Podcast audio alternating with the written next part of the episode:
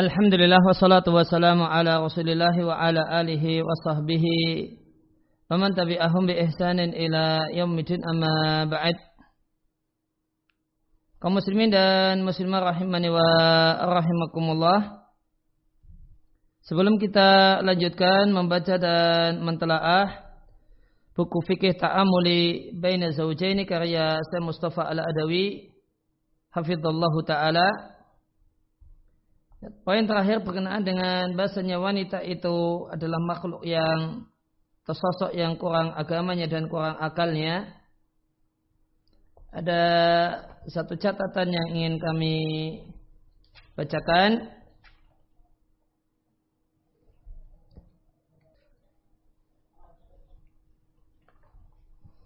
Ya, ya kami ingin bacakan penjelasan Syekh Abdul Aziz Ibn Bazin rahimallahu taala tentang hadis An-Nisa'u naqisatu aqlin wa dini.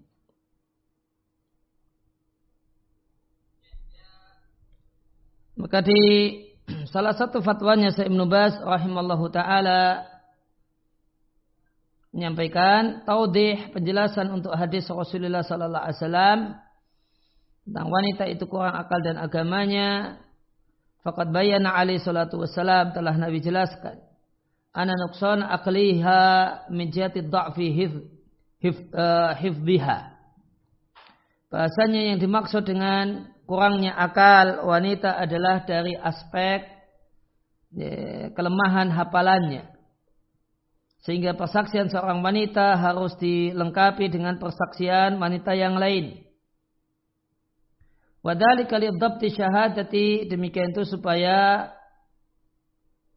untuk betul-betul uh, persaksian itu uh, akurat dengan sebab wanita itu sering kali lupa atau nambah-nambahi dalam persaksian. Sehingga sering kali kita jumpai kalau orang uh, menyampaikan berita terutama kepada sesama perempuan nanti ketika disebarkan nanti ditambahi nanti ketika uh, perempuan A ke B nanti ada ceritanya demikian. B ke C nanti ada tambahan. C ke D nanti sering kali ada tambahan. Wa amma nuksanu diniha sedangkan kurangnya agama adalah karena wanita pada saat kondisi haid dan nifas tidak salat dan tidak puasa dan tidak mengkodok salat maka ini adalah bagian dari kurangnya agama. Namun wanita tidaklah mendapatkan hukuman karena kekurangan agama ini. Ini hanyalah kekurangan yang terjadi berdasarkan syariat Allah Azza wa Jalla. Dan dia Allah zat yang mensyariatkannya. Ya, rifkan dia karena sayang dengan perempuan dan memberikan kemudahan kepada perempuan. Ya, Lianna karena wanita jika dia tetap puasa padahal dalam kondisi haid dan nifas, maka hal itu membahayakannya.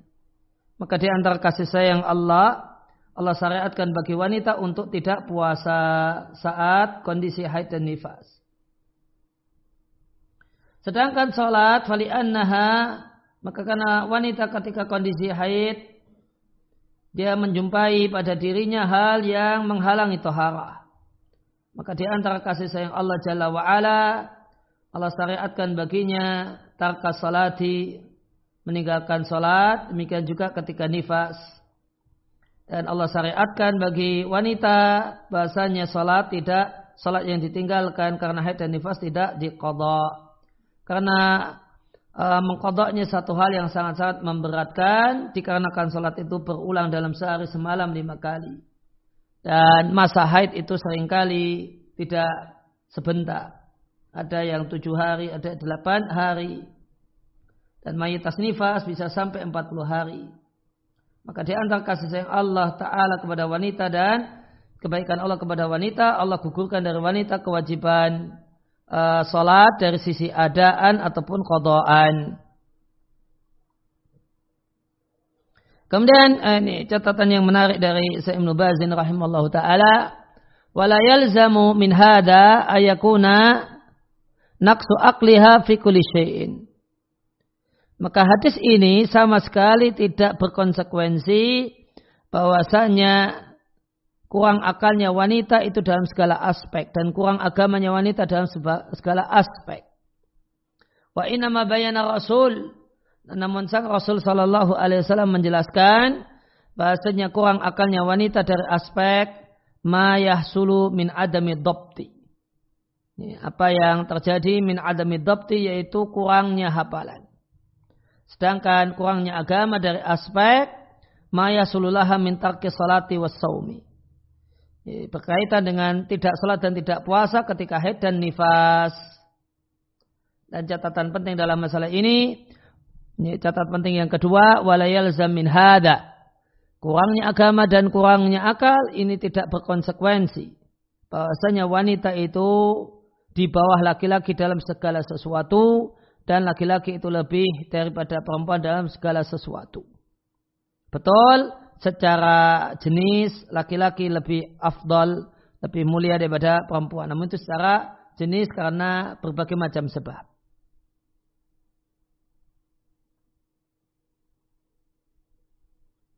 Sebagaimana sabda Nabi Shallallahu Alaihi Wasallam, "Arijalu kawamuna ala nisa" dan seterusnya.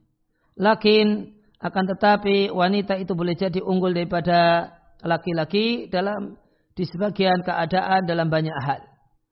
Fakam min imra'atin fawqa kathirim narijali.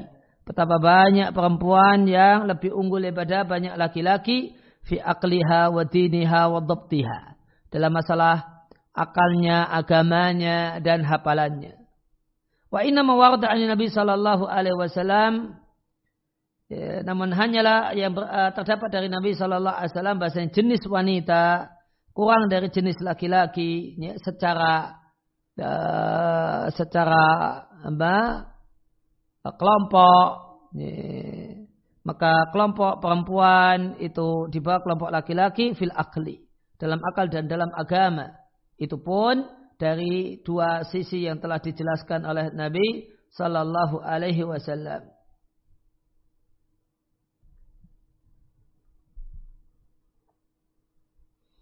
Nah itu kurang lebih uh, ada penjelasan dari Syekh Ibnu Baz rahimallahu taala. Beliau menyampaikan kekurangan akal dan agama itu min haisul jins. Dari sisi komunitas. Ya, dari sisi grup. Dan bukan dari sisi tiap-tiap person. Kemudian yang kedua, uh, terutama untuk kekurangan akal itu yang uh, tidak menurut saya Ibnu Bazin tidak dalam semua aspek. Cuma dalam satu aspek saja yaitu aspek uh, aspek hafalan. Sehingga persaksiannya perlu didukung oleh persaksian perempuan yang lain. Namun ini min haisul jins dari sisi jenis bukan setiap wanita pasti demikian kurang akalnya tidak demikian kita jumpai dalam sejarah dan realita banyak perempuan-perempuan yang jauh lebih berakal daripada jauh lebih bijak, jauh lebih eh, ber, eh, menimbang jauh ke depan dan yang lainnya dibandingkan laki-laki.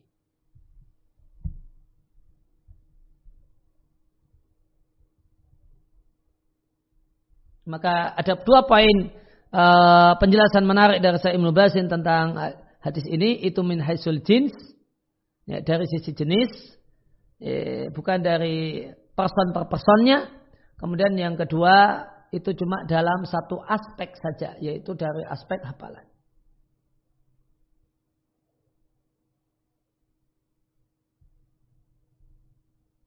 Ya, demikian penjelasan saya Ibnu Bazin rahimallahu taala.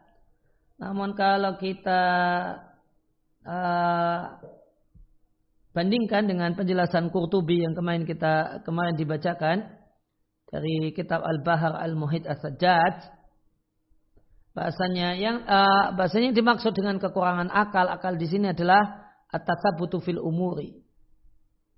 Ini, merespon segala sesuatu itu tasabut. Ya, tidak tergesa-gesa, namun dicek dulu. Ya, jangan kemudian langsung tertarik tanpa ditimbang masak-masak, langsung tertarik beli A, beli B, beli C tanpa ditimbang matang-matang.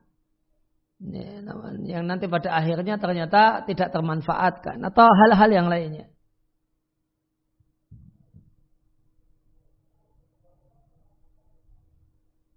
Demikian juga eh, ketenangan artinya tidak lar, tidak meledak-ledak, emosi yang tidak meledak-ledak, ya al-waqar, kewibawaan dalam artian berpikir uh, ya, tidak jadi tidak menurutkan perasaan, tidak mudah baper gitu.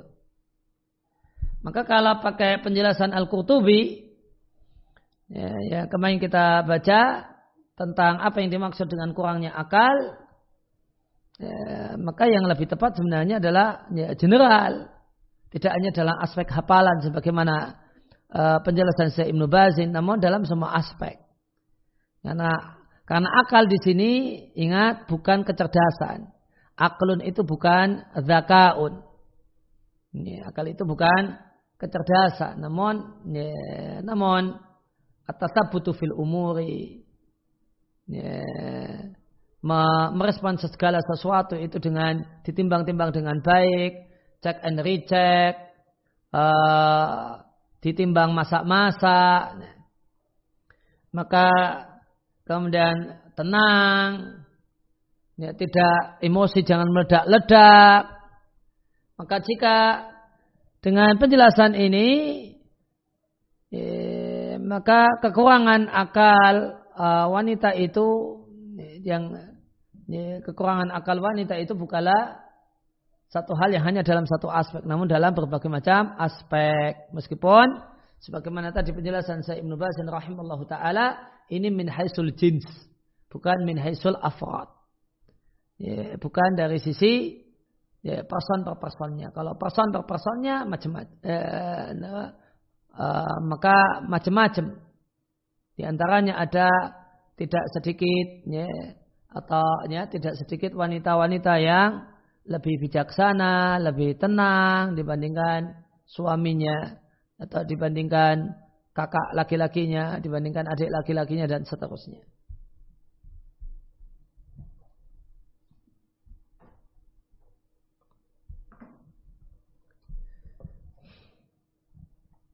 Ya, kemudian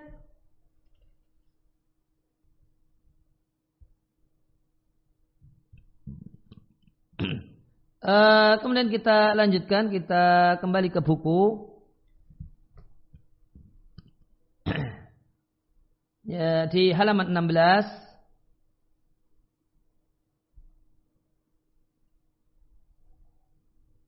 ya, terakhir kita baca hadis wastausu bin nisa'i khaira adalah kalian menerima wasiatku untuk bersikap baik kepada para wanita karena mereka tercipta dari tulang rusuk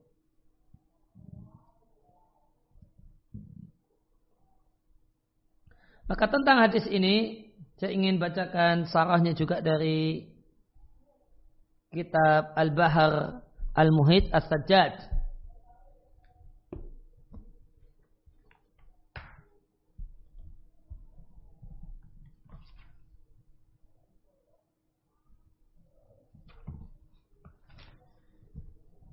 Ya disampaikan oleh penulis Syekh Muhammad Ali Adam rahimallahu taala. Wastausu bin nisa'i. Katakan e, maknanya tawasau bihinna. Perwasiatlah yang baik kepada mereka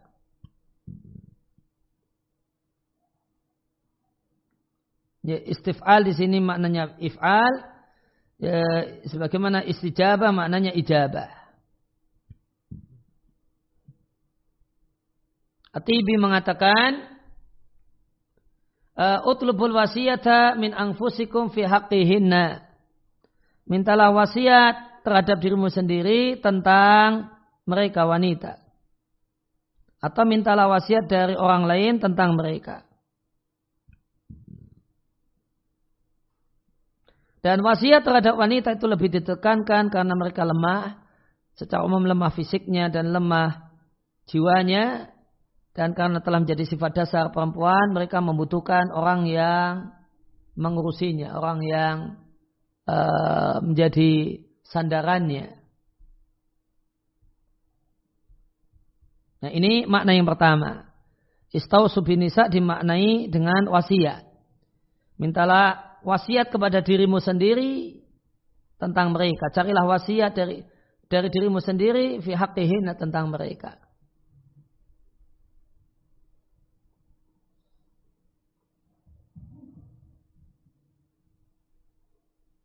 Kemudian uh, wakila penjelasan yang kedua tentang maknanya ikbalu wasiyati fihinna.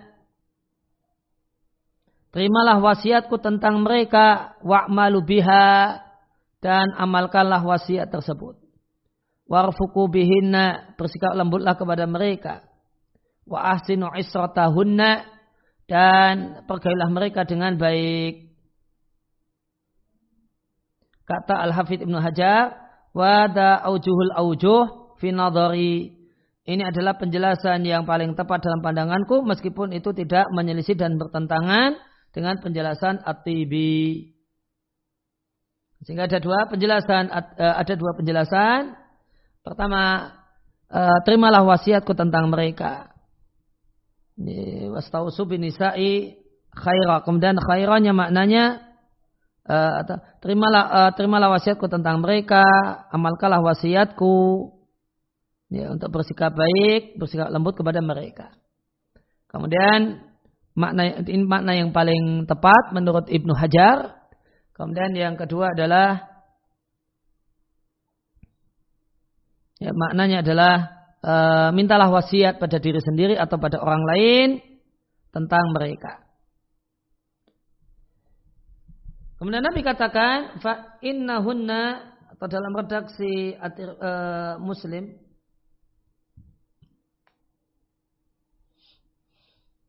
fa innal mar'ata karena sesungguhnya wanita itu fa di sini li ta'lil ya, artinya karena sehingga seakan Nabi mengatakan kuperintahkan kalian untuk berwasiat Eh, kepada wanita dikarenakan wanita itu tercipta dari tulang rusuk.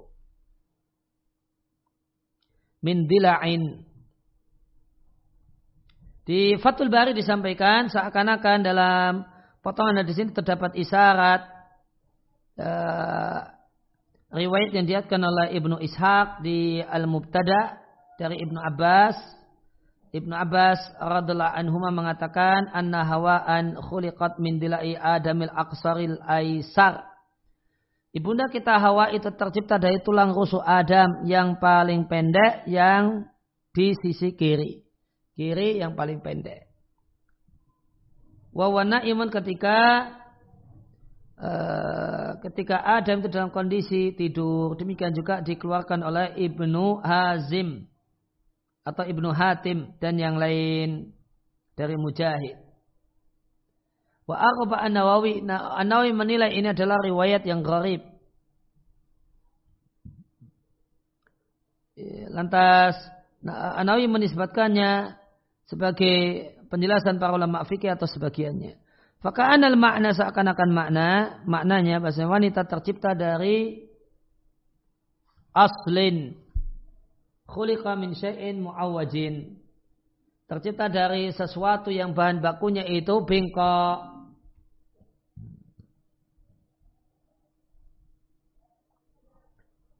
Nah, ini tidak bertentangan dengan di sebelumnya yang merupakan wanita dengan tulang rusuk. Namun bisa disimpulkan ya, min hada dari hal ini nuktatut tashbihi. Satu poin keserupaan Wa innaha auja misluhu yaitu wanita itu bengkok semisal tulang rusuk dikarenakan memang asal muasalnya tercipta dari tulang rusuk. Itu maknanya. Kesimpulannya demikian. Dan sesuatu yang paling bengkok di tulang rusuk adalah bagian atas.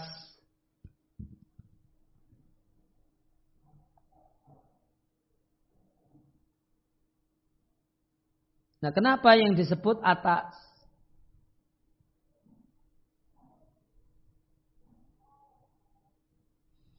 Ya, ada uh, yang menjelaskan li'annal iqamata karena yang namanya meluruskan amruha adhar. perkaranya itu lebih jelas fijatil ulya dari arah atas. Atau ini mengisyaratkan bahasanya wanita tercipta dari bagian yang paling bengkok dari tulang rusuk.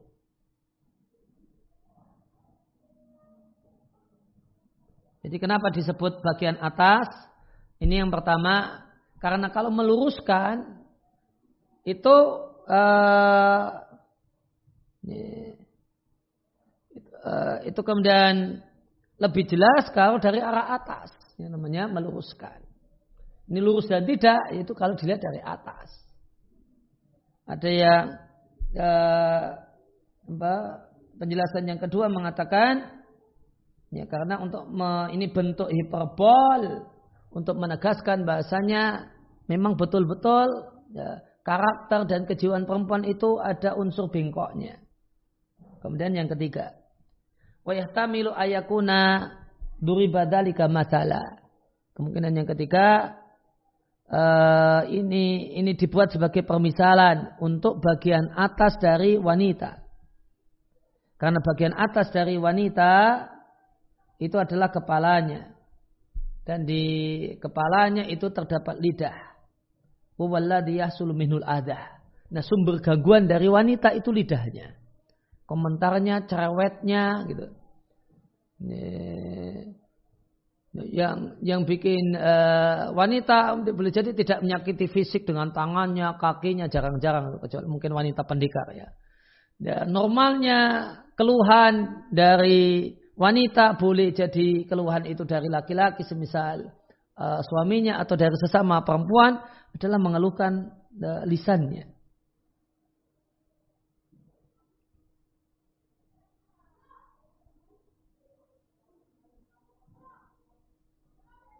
Wakala fi mudin akhar di tempat yang lainnya di ya, Fatul Bari disampaikan Kalimat ini itu yang paling atas mengisyaratkan bahasanya akwaja ma fil mar'ati lisanuha. Ya, bahasanya hal yang paling bengkok pada diri perempuan itu lidahnya. Ya, itu yang paling sering kambuh. Ya, bengkok yang paling sering kambuh pada wanita itu bengkoknya lisannya. Ya, apa itu? Cerewetnya. Dan diksi-diksinya yang pilihan katanya yang nyelekit, yang menyakitkan hati. Artinya ya, lidah wanita itu demikian tajamnya. Pandainya dia dalam menata kata, mengolah kata untuk uh, mbak ya, menyakiti pihak-pihak lain dengan lidahnya.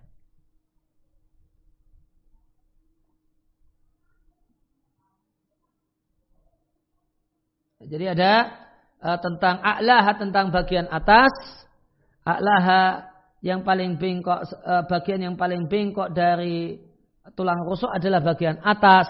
Ini ada tiga penjelasan tadi. Ya, yang pertama adalah ya karena lurus dan tidak itu yang paling kelihatan kalau dari atas melihatnya. Dan yang kedua ini adalah ungkapan hiperbol untuk menunjukkan eh, bahasanya Betul-betul bengkok itu menjadi satu sifat dasar perempuan. Kemudian yang ketiga mengisyaratkan yang ini dikatakan sebagai ihtimal, makna ihtimal dimungkinkan maknanya adalah untuk mengisyaratkan bahasanya yang paling bengkok dari perempuan adalah lidahnya. Tujuannya apa? Ini pesan kepada para suami ya, untuk sabar dan sabar. Ya, jadilah uh, lelaki yang sabar. Ya, maklumi istrimu, istrimu itu bahan bakunya asal-asalnya memang bengkok dan yang paling dan bengkok itu telah jadi karakternya dan yang paling mudah uh, untuk muncul kebengkokan itu yang paling mudah muncul pada lidahnya. Kalau lidahnya ditambah kemudian bapernya, nah sudah lengkap. Ya, ditambah cemburunya, nah sudah semakin menjadi-jadi. Ya ya, cemburu berteman dengan buruk sangka. Ya, setelah itu kemudian uh, kemudian hal ini dibaca pakai ya, pakai perasaan. Nah, setelah itu diekspresikan pakai lisan. Nah, sudah sempurna itu. Itu ngomongnya bisa panjang, gitu. Gak habis-habis kayak sepuk lewat, gak habis-habis. Ya. Dan ya pilihan-pilihan katanya memang betul pas sekali untuk menyakitkan itu. Nah, pinter kalau untuk memilih diksi-diksi yang bikin sakit hati gitu. Hmm. Ya, tapi uh, alhamdulillah Allah uh, ciptakan Allah uh, pasangkan wanita itu dengan laki-laki memang betul-betul uh, hikmah dalam penciptaan Allah. Laki-laki itu ya, gampang lupa. Jadi ketika dicereweti gitu boleh jadi uh, cuma ingat banyak dicereweti. Namun cerewet pertama isinya apa, cerewet kedua isinya apa. Ya. Seringkali banyak suami yang mudah untuk lupa. Ya. Ya. Dan, dan ini kebalikan. Ya. Dan ini kebalikan dari perempuan. Eh, ketika dia dicereweti oleh suaminya, wah maka wanita itu ahli sejarah yang luar biasa, apal sekali. Ya, maka ya, cocok dipasangkan dengan laki-laki yang diharapkan laki-laki itu berakal. Ya, yang berakal ini artinya banyak sabarnya, lapang dadanya, berpikir jauh ke depan, kemudian tidak banyak ngomongnya. Ya, tidak banyak ngomongnya ngomongnya cuma seperlunya. Dan itu pun kemudian dipikir baik-baik. Ya, ya karena karena berakal maka diharapkan ketika istri itu mengucapkan hal yang memancing amarah dan emosi direspon tidak dengan demikian. Namun direspon dengan uh, diam kemudian dirasa kemudian perlu merespon ya. Misalnya dia istri minta cerai ya maka ya, wanita ya, semulia dirimu bagaimana mungkin aku ceraikan? Ya, tidak bakalan selamanya aku menceraikan dirimu. Engkau adalah uh, adalah kemudian ya, engkau adalah anugerah Allah yang terindah untuk untukku dalam kehidupanku. Maka tidak mungkin aku uh, uh, membuang dan atau kemudian melepas anugerah Allah yang demikian indah itu. Demikian semestinya ucapan ucapan seorang suami yang yang semestinya adalah seorang yang berakal ketika istrinya itu uh, ya kambuh sisi bengkoknya.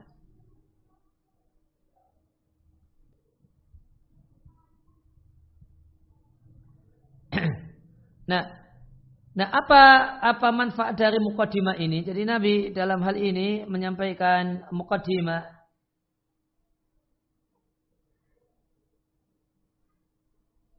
Ya, apa manfaat dari mukadimah yang Nabi sampaikan wanita tercipta dari tulang rusuk dan dan seterusnya?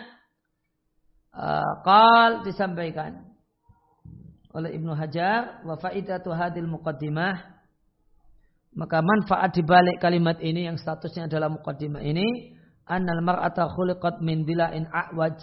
Wanita itu tercipta dari tulang rusuk yang paling bengkok. Sehingga ini pesan bagi para suami, pesan bagi para laki-laki yang berstatus sebagai suami, sebagai kakak laki-laki dan seterusnya, sebagai ayah, fala yungkir i'wajajaha. Jangan aneh kalau uh, dengan kebengkokannya, jangan aneh. Sikapi kebengkokannya itu dengan diam, banyak diam, sabar, gitu. lapang dada. Gitu. Dan ingat kebaikan-kebaikan istri. Dia yang telah memberikan keturunan. Dia adalah orang yang uh, yeah, menjadi tempat kita untuk terjaga dari zina dan seterusnya. Yang kedua, uh, atau mukadimah ini kata Ibnu Hajar adalah isyarat ila anaha la takbal at-taqwima. Bahasanya secara umum wanita itu tidak bisa diluruskan. Sebagaimana tulang rusuk tidak bisa diluruskan. Ya, yang bisa dilakukan adalah e, maksimal baik. Namun kalau betul-betul lurus itu tidak bisa sebagaimana tulang rusuk tidak bisa. Ya, maka ada dua penjelasan e, semacam itu.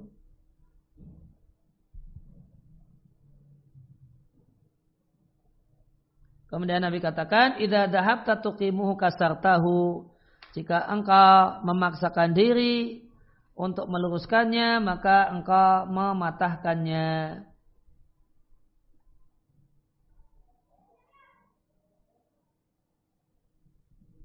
Maknanya jika Arab minha jika engkau ingin agar istri itu meninggalkan bengkok, udahlah lu yang benar, jangan baper, jangan ini, tinggalkan bengkok.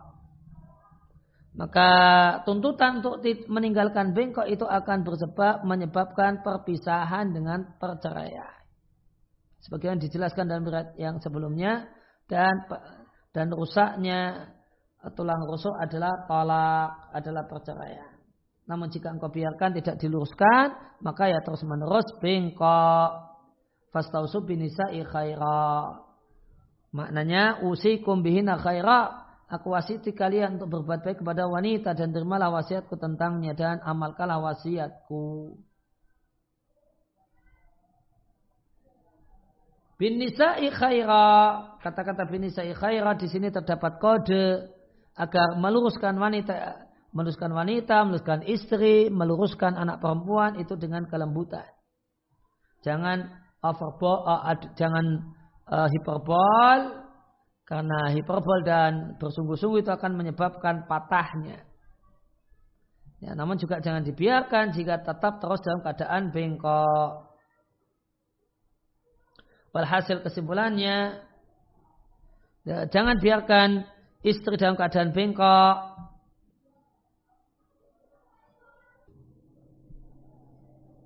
Ya, uh, kesimpulannya ada kesimpulan yang menarik disampaikan di Fatul Bari tentang hal ini. Walhasilu kesimpulannya uh, wanita, istri, anak perempuan, anak gadis tidaklah dibiarkan dengan bengkoknya. Jika bengkoknya tersebut berdampak melakukan maksiat atau meninggalkan kewajiban. Wa inama al murad namun yang dimaksudkan adalah membiarkan kebengkokannya jika itu dalam hal-hal yang mubah. Ya, jadi menyikapi bengkoknya wanita, bengkoknya istri, maka apakah toleransi ataukah kemudian sikapnya tegas, maka dirinci. Jika itu bengkok tersebut uh, adalah dengan meninggalkan maksiat, ya, Eh, jika bengkok tersebut adalah dengan meninggalkan kewajiban atau melakukan maksiat, nah, maka ya, bengkok ini harus disikapi dengan tegas.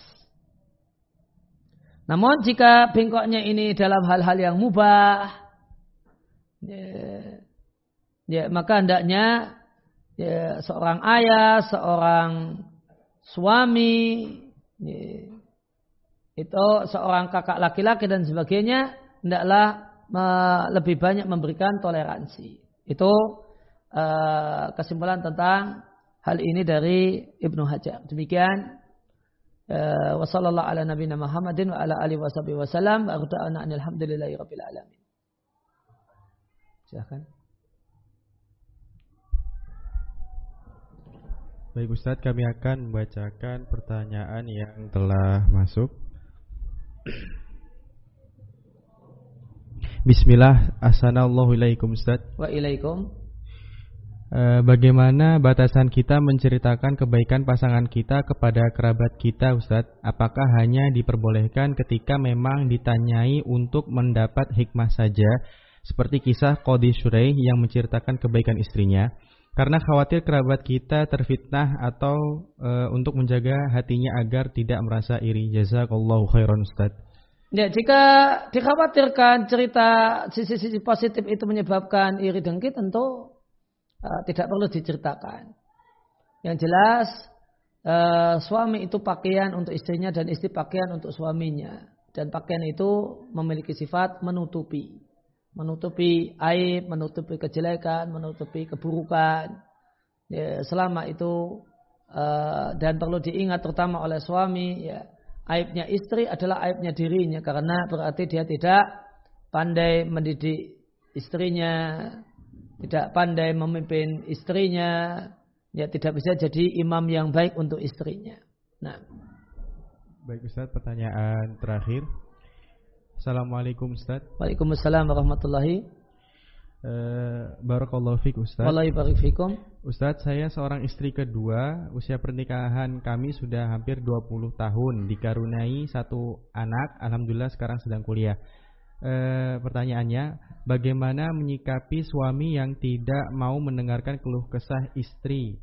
Malah suami yang minta diperhatikan, sedangkan suami tidak tinggal serumah dengan saya Ustaz. Suami lebih banyak diam di rumah istri pertama dan untuk menanyakan kabar saja jarang dan saya pun sekarang e, sedang membangun usaha karena suami sudah tidak bekerja dan saya butuh seorang yang bisa mendukung atau teman ngobrol dalam usaha tersebut. Padahal saya juga seorang istri yang ingin diperhatikan dan disayangi. Syukron jazakallahu khairan. Ya, ya intinya di antara kiatnya adalah gimana suami itu mengikuti kajian ya, atau kemudian mendapatkan ilmu tentang bagaimanakah sikap yang baik kepada istri. Bisa jadi kajian, bisa jadi buku, bisa jadi nasihat ustadz atau yang lain. Ini, ini yang pertama, kemudian yang kedua, ya uh, intinya adalah sebenarnya komunikasi. Bangun komunikasi yang baik. Uh, dan komunikasi yang baik itu adalah komunikasi dengan me, apa, mengantisipasi jangan sampai uh, lawan atau kemudian teman komunikasi kita salah paham, ya, kemudian buruk sangka dan sebagainya. Itu dua kiat yang saya sarankan. Demikian subhanakallahumma bihamdika asyhadu an la ilaha illa anta astaghfiruka wa atubu ilaik.